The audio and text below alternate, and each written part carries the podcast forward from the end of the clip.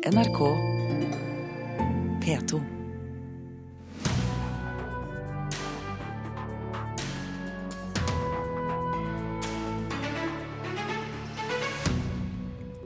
Nordmenn lar seg ikke skremme av at piratnettstedet Popcorntime er ulovlig. Fremdeles bruker 240 000 nordmenn tjenesten ukentlig for å se film. Folkefinansiering er en god måte å få finansiert filmprosjekter for norske filmskapere. I teorien svært vanskelig i praksis. Det viser tall NRK har hentet inn. Og den populære og elskede forfatteren Lars Saabye Christensen er ute med ny roman. Vår anmelder har nettopp lest den ferdig og er på vei til studio. Og Kulturnytt får du i dag med Birger Kålsrud Aasund i studio. Popkorntime er et nettsted der du kan se de nyeste filmene på datamaskinen din, og det helt gratis. Det er bare én hake, det er ikke lov. Likevel bruker altså 240 000 nordmenn denne pirattjenesten ukentlig. I Storbritannia blokkerer de nettsider, i Tyskland deles det ut bøter. I Norge, vel, i Norge lurer regjeringen fremdeles på hvordan de skal håndtere saken. Everything is dependent on We are killing for gasoline. Vi hører et utdrag fra filmen Mad Max, som fremdeles går på kino enkelte steder i landet. Den kan ikke kjøpes før i oktober, men du kan få tak i den nå fra sofakroken på strømmetjenesten Popcorn Time, sammen med noen tusen andre filmer. Tjenesten har blitt populær fordi den er enkel, oversiktlig og helt gratis. Nesten for godt til å være sant. Now pick up what you can and run. Og det er nok nettopp for godt til å være sant. En god stund ble nemlig dette ansett som lovlig, både av Kulturdepartementet og av flere jurister. Men i vår snudde de, nå er det definert som ulovlig. Men det er det ikke mange som bryr seg om. Fremdeles er det over 240 000 nordmenn over 15 år som bruker Popcorntime daglig eller ukentlig. Det er litt færre enn de første tre månedene i 2015, men sannsynligvis skyldes det feilmargin og sommervær. Problemet er derfor like stort. Nei, det er jo veldig trist da, at eh, folk benytter seg av disse tjenestene som er ulovlig, straffbare, og at man ikke reagerer på det. Det er veldig trist. Sier Willy Johansen, som er styreformann i Rettighetsalliansen. Everybody's gone out of their mind. Det ser jo ikke ut til at det er så mange som bryr seg. Direktør i Virke Produsentforeninga, Torbjørn Urfjell, tror dette kan ha store konsekvenser for filmbransjen. Bruken av Popcorntime og andre ulovlige tjenester betyr jo at eh, folk stjeler eh, verka til de som produserer film og TV. Og da er det ikke mulig å, å få en god økonomi og òg få nye forretningsmodeller for TV og film. Og kvaliteten vil svekkes, noe som igjen går utover seerne til slutt. Og da er jo bare spørsmålet hva skal vi gjøre med det? Det er det flere syn på. Eh, Jeg tror vel at informasjon til de yngre vil kanskje hjelpe litt. Mens eh, Urfjell tror vi må begynne høyere oppe i systemet. Når vi skal stoppe tjuveriet av film og TV, så er vi nødt til å ta bakmennene. Det er åpenbart at ikke det er nok å fortelle folk at Popkorntime og andre lignende eh, tjenester er ulovlig.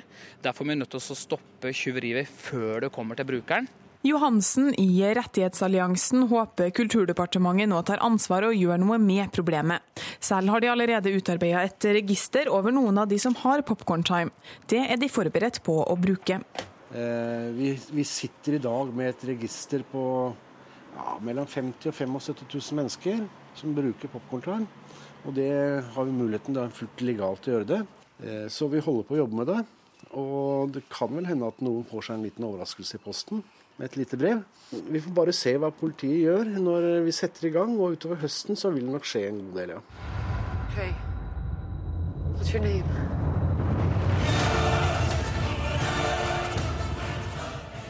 Reporter her, det var Runa Rød. Statssekretær i Kulturdepartementet, Bjørgulf Vinje Borgenvåg, velkommen til Kulturnytt. Takk. Rettighetsalliansen sitter altså klar til å aksjonere. Hva gjør regjeringen? Eh, Først vil jeg bare si at jeg syns det er utrolig beklagelig at det er så mange som velger å bruke Popkorntime, som altså er en ulovlig strømmetjeneste. Det er veldig få som syns det er akseptabelt å stjele en DVD i butikken, men det å bruke en eh, ulovlig strømmetjeneste, det er i prinsippet det samme. De som har skapt opplevelsene og kunsten du skal, du skal nyte, de får ikke betalt. Så det, jeg håper virkelig at de som hører på radio, og det har vært så mye oppmerksomhet i mediene, at de skjønner at dette er ikke greit. Det er faktisk ulovlig.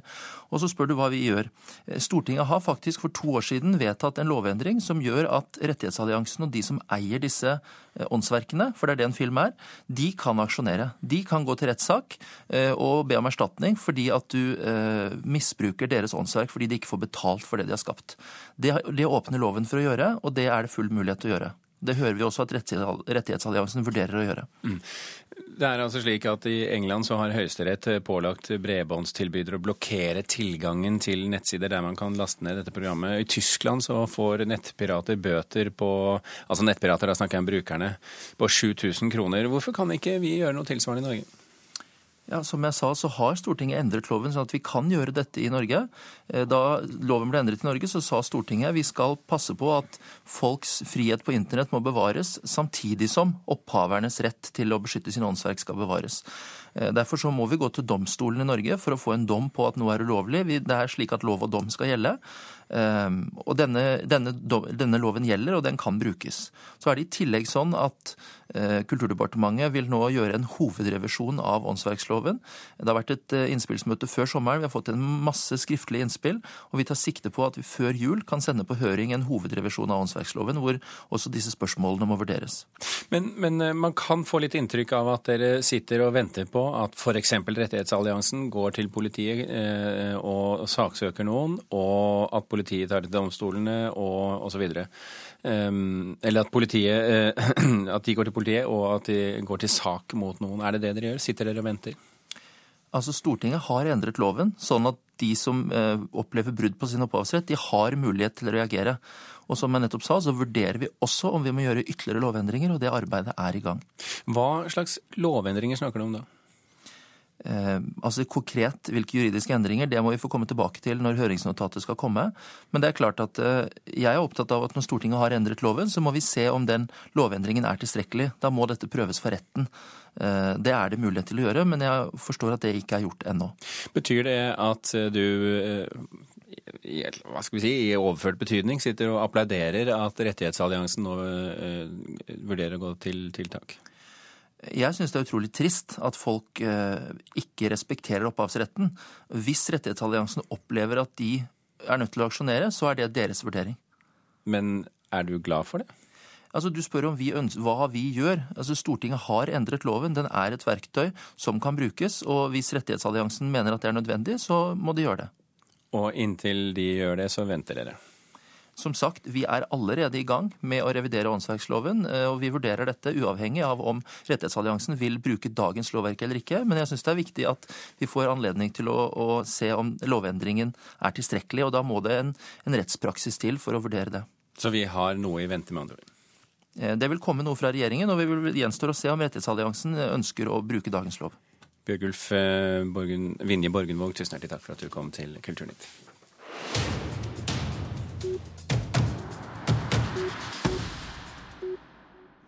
Såkalte nettvarder er på vei inn i kinoer over hele landet. Det skriver Dagens Næringsliv i dag. Nettvarder er små sendere som eh, sender informasjon til telefonen din via Bluetooth.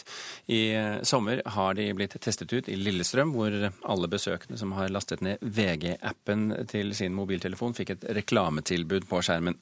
Direktør for produkt- og forretningsutvikling i VG, Marius Olsen, tror lokasjonen på mobil vil bli viktig for markedsføring i framtiden. Sir, if I may make so bold, a major crisis has arisen in your affairs. Yes, I know, Blackadder. I've been pondering it all morning. You have, sir? Yes. Socks.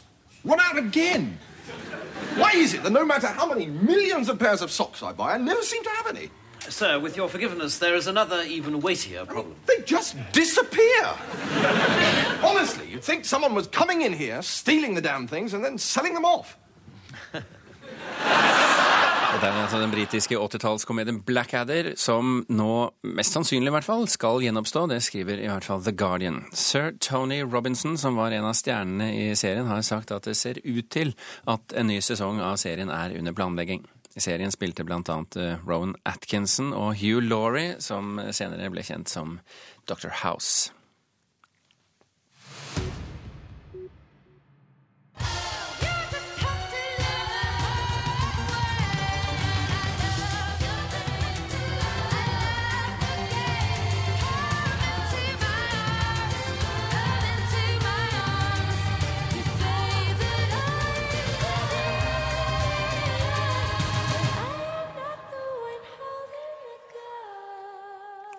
Susanne Sundfør er en av mange norske artister som har fartet rundt i Sommer-Norge for å underholde et eh, musikkhungrig festivalpublikum. Dette var fra Øyafestivalen tidligere denne måneden, og fredag sto hun på scenen under Stereofestivalen i Trondheim i det som var den siste helgen denne sommeren med flere store festivaler i landet. Ali Sofi, musikkanmelder i eh, P3, du var på Stereo-helgen. Velkommen til oss, forresten. Jo, takk. Hvis vi nå holder oss stadig til sommerfestivaler i pop- og rocksjangeren, eh, var Stereo en verdig avslutning på festivalsommeren, syns du? Ja, det syns jeg. Eh, de har virkelig stått på for å få det her til. De har til og med utvida festivalområdet litt.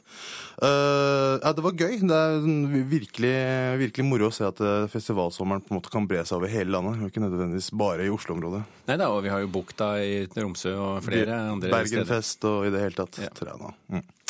Hvis vi da skal benytte anledningen til å oppsummere festivalsommeren rent kvalitativt, da, rent musikkmessig, har det vært bra? Jeg syns det har vært bra. Det har vært mye for mange. Eh, Nisjefestivalene på en måte har kommet på banen, altså Piknik i parken f.eks. En sånn indie-pop-elektronika-aktig sak eh, som eh, funker i, i Frognerparken, har vært veldig populært. Tons of Rock i Halden har blitt eh, veldig populært, det òg. Eh, så ja, litt for, eh, Der litt går for alle. litt hardere for seg? Der går det litt hardere for seg, rett og slett. Men det er det som er litt gøy. det er at man, eh, For et par år siden så trodde man at festival, eh, festivalen i Norge det, alt, det, ble, det gikk inflasjon. Nå må vi gi oss, og det er altfor mye greier. Men eh, nå viser det seg at folk er lystne på musikk, uansett vær eller vind, i Mm. Norge. Hva har høydepunktene vært for deg? Høydepunktene eh, er Helt umiddelbart Lars Vaular altså, eh, på øya. Han hadde, han hadde virkelig det, det publikum i sin hule hånd. Det var sånn helt autor, han, stor autoritet. eh, altså Han har vokst seg veldig inn i rollen. Han har vært utrolig god på plate, men slitt litt på scenen. Men nå var det virkelig han eh, ja, Rett og slett majestetisk, vil jeg si. Vi hørte jo Susanne, Susanne Sundfør her også, som har fått voldsomt gode kritikker. Mm. Ja, jeg, jeg, fikk, jeg var heldig nok til å snakke med Susanne Sundfør rett før konserten. Eller et par timer. eh, På, på da- øya, dette da. På øya, ja. Eh, og da sa hun at eh, hun er så glad for at øya har blitt en såpass sånn internasjonal kaliber. da, En type festival. Uh, og det er gøy at en norsk en kan på en måte runde av sånn sett, og, og til sånn stemning. Når du sier internasjonal festival, så har det jo vært tynt med liksom de store navnene i sommer. Hva, hva er grunnen til det? Du, det, mange, det er mangefasetterte grunner. Det kan være turnéplaner som eh, som ikke passer, er folk som er syke, er er usikker. Men eh, til gjengjeld så har det vært mye for altså Det har vært hipstervennlige ting, og så har det vært ting som på en måte funker for allmennheten. holdt jeg på å si. Du har Beck, som kanskje mange har forhold til, og så har du mindre ting som Flying Lotus, da, som er sånn elektronika, jazzete greier som, som er veldig liksom off-pist, men det funker veldig bra. Men har det en kvalitet i seg selv at man får høre mer av det man ellers ikke får høre så mye? Definitivt. Det utvider horisonten din på alle mulige måter. Hva har vært nedturen, da? Nedturen er den store, som du sa. Den store, store bookingen kanskje, som jeg savna. Altså, tidligere år har vi hatt Kanye West, vi har hatt Outcast, altså gedigne altså mastodonter. Eh, men vi håper jo at eh, neste år så kommer den. da. Og det var vel også litt ugreit å være, å være Slottsfjellfestivalen i år? Ja, det blåste ganske greit opp på det fjellet der, ja. Så det var en del konserter som måtte bli avlyst. Men Motorcycle-folka fikk eh, konserten sin allikevel. Det er eh, med andre ord god grunn til å se frem mot 2016 som festivalsommer. Ja, jeg ser ingen grunn til å begynne å bekymre seg over det. Ali Sofi fra P3, takk for at du kom til Kulturnytt. Bare hyggelig. Klokken er eh, 17 minutter over åtte akkurat der. Du hører på Kulturnytt, og dette er toppsakene i Nyhetsmorgen nå. Forsvarere aksjonerer. De vil ha høyere lønn for oppdrag der klienten har fri rettshjelp. En av tre unge har opplevd digital vold fra en kjæreste, men svært få forteller det til de voksne. Og små kommuner tror selv de er lite attraktive for næringslivet. Filmregissør Knut Erik Jensen, mannen bak filmsuksessen Heftig og begeistret, han satser nå på kronerulling for å få finansiert sin neste spillefilm. Men en gjennomgang NRK har gjort av filmprosjekter som er blitt forsøkt folkefinansiert, viser at det er svært vanskelig å mobilisere publikum. Only moments ago, New York has come under attack. Witnesses claim to have seen hundreds of UFOs. It's opening fire! Med hjelp fra ihuga fans ble sci-fi-komedien Iron Sky fra 2012 realisert gjennom kronerulling. Og neste år er det venta at oppfølgeren Iron Sky 2 får premiere, også den folkefinansiert. Take it easy. Men langt fra alle lykkes. En gjennomgang NRK har gjort fra flere folkefinansieringsnettsteder, viser at det er vanskelig å samle nok støtte til film, sjøl til mindre prosjekt.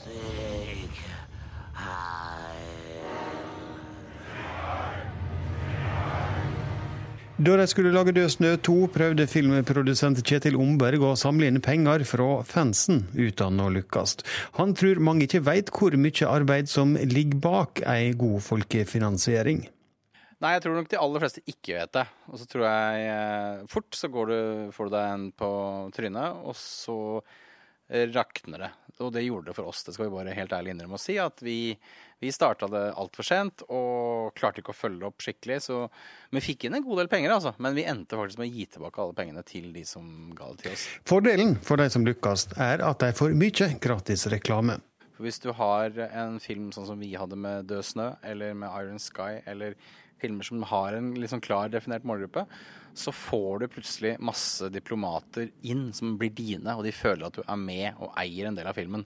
Og de blir dine beste ambassadører når de skal ut og snakke om filmen videre. De kan si 'jeg er med', hadde det ikke vært for meg, så hadde ikke denne filmen blitt lagd. Filmen til Knut Erik Jensen er kanskje ikke det typiske prosjektet for folkefinansiering, men Omberg håper og tror at eh, Jensen skal lykkes. Altså, I utgangspunktet så tror jeg det vært jeg tror det er vanskelig. Eh, men samtidig så er det også en film som er såpass eh, nær veldig mange mennesker. For denne filmen er, og denne historien er sårt savna i Finnmark.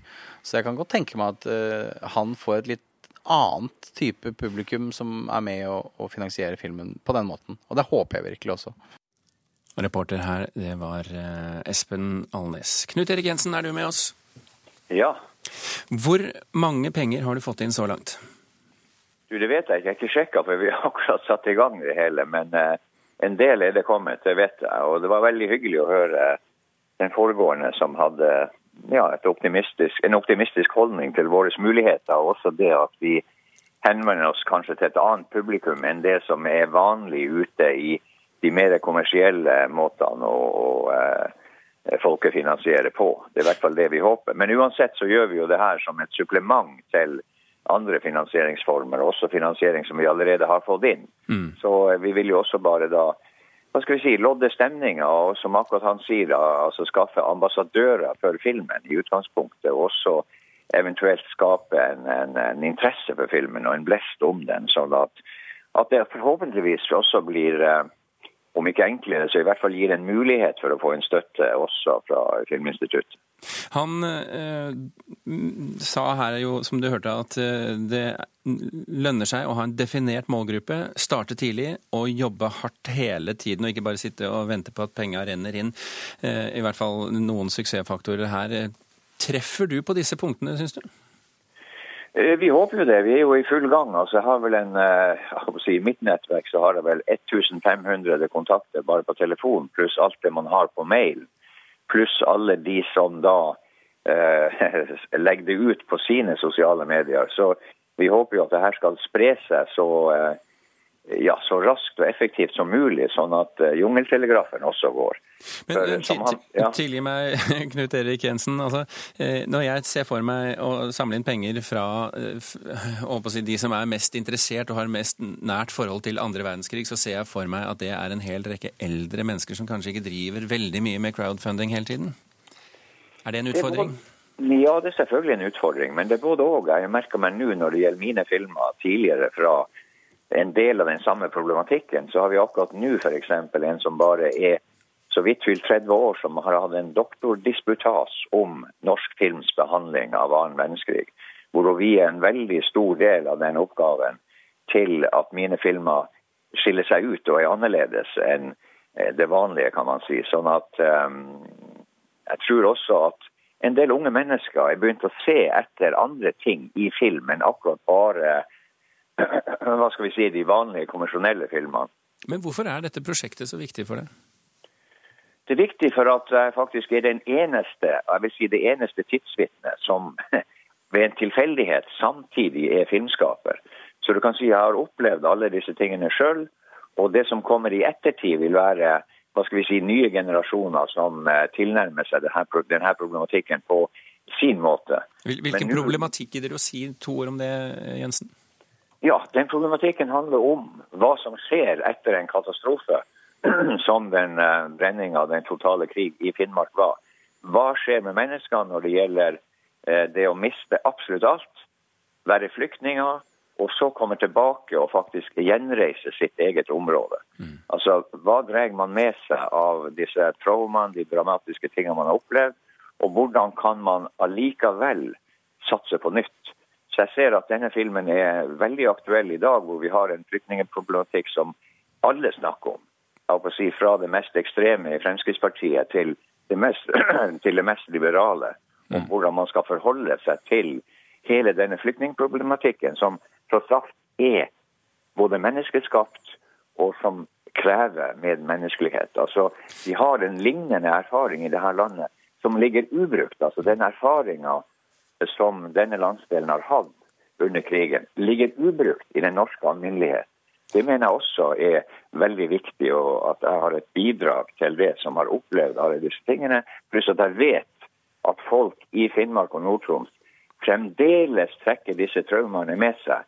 Én og to generasjoner etterpå. Vi får se viser hvor, hvor viktig det er. altså. Tidlig at jeg avbryter deg, Knut Erik Jensen. Vi har en eh, spent anmelder i studio her som er klar for eh, sitt bidrag. Eh, Tusen hjertelig takk for at du var med oss i eh, Kulturnytt.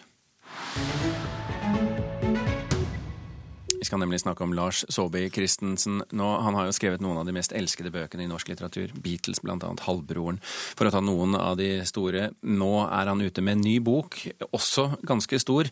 Litteraturkritiker Leif Ekle, var du en av de som gledet seg stort eh, og tok til sidene med entusiasme og iver? Ja, i og for seg, og, og særlig etter at jeg fikk boka i hånda. Eh, er mer enn vanlig opptatt av fotografi. Og, og fotografi og kamera og kameraets funksjon er jo noe som har gått igjen i, som, som et bielement i veldig mange bøker fra denne mannen, Lars Håbe Christensen. Og når vi får en gammeldags eh, filmboks i aluminium på forsida, så gir det seg sjøl at dette i stor grad handler om fotografi, og dermed også om kunst, og jeg gikk til sidene med spenning, ja. Du kaller det et beist av en bok, altså 800 sider. Ja, nesten 800. Hva, ja, hva er det for en bok? Ja, det, er, det er for det første det er en veldig sånn mangslungen bok som strekker seg i mange forskjellige retninger. Den dekker i alle fall fire tiår eh, fram til nå, eh, og egentlig litt lenger. Eh, det er en kjærlighetsroman om et helt spesielt kjærlighetsforhold. Eh, det er klart at når det er Lars Saabye Christensen som skriver om kjærlighet, så, så er det spesielt, da. Eh, men det er instruktivt i forhold til de andre temaene i boka, som bl.a. handler om tida, hvordan vårt forhold til tida har endra seg, og hvordan det endrer seg hele tida. Hvordan vi ikke lenger har tid. Og det handler om Det er en idéroman i den forstand at den, den tar for seg utviklinga av kunsten, synet på kunsten. eh, Og ikke minst da den langsomme overkjørselen eller utraderinga av det private. Både i kunsten og nå da etter hvert i, i, i offentligheten. Og hvor kommer kjærligheten inn i bildet? Den kommer inn i bildet i 1976 på Studentbyen på Sogn. Ja. ja, egentlig i 1952, da foreldrene til Jokum Jokumsen gifter seg. I Danmark. Det er selvfølgelig et element av Danmark her også. Eh, og de har et eh, vakkert liv på Skillebekk og får Jokum, som, eh, som selvfølgelig har et handikap. Han er veldig lang. Han blir veldig, veldig lang, og det er et problem for han. Helt motsatt av Barnum i Ja, det kan du si. Og som Jokum i barndommen for øvrig møter utenfor en viss kiosk i to setninger. Vi gjør det. Ja. Ok. Eh, Men da, da er vi ferdig med Barnum her. Ja. Eh, Og som, som så mange andre hovedpersoner da, så, så har, eh, har altså disse to, Jokum Jokumsen og Synne Sager, litt spesielle navn. Og de er ikke bare det. Fortelleren heter Amper. Men det skjer at disse to bor på studentbyen på Sogn i 1976. i De deler leilighet, som de kalte det, altså fire hybler rundt et kjøkken. Eh, hun er vakker, fra en velstående familie, studerer kunsthistorie. Han går på, han går på litteraturvitenskap. Er en sjenert og, og hemma person, ikke minst pga. høyden som plager han. Uh, forelsker seg i Synne. Uh, Synne kanskje ikke så mye i han, men hun oppdager at mannen har kanskje en fotograf i seg.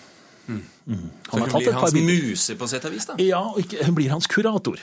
Ja, de, de blir kjærester også, men uh, hun blir hans kurator. Uh, og på 22-årsdagen så kjøper hun en Leica 10. Og han begynner å fotografere tingene. Alt som flyter omkring, som blitt henlagt, glemt osv. Og, og sånn starter oppsamlinga av bilder, og det som seinere blir en stor karriere som berømt fotograf, nennsomt styrt av Synne, som ikke bare er hans hustru etter hvert, men også jeg sa kurator, men som bruker sin ektemann som sitt eget kunstprosjekt.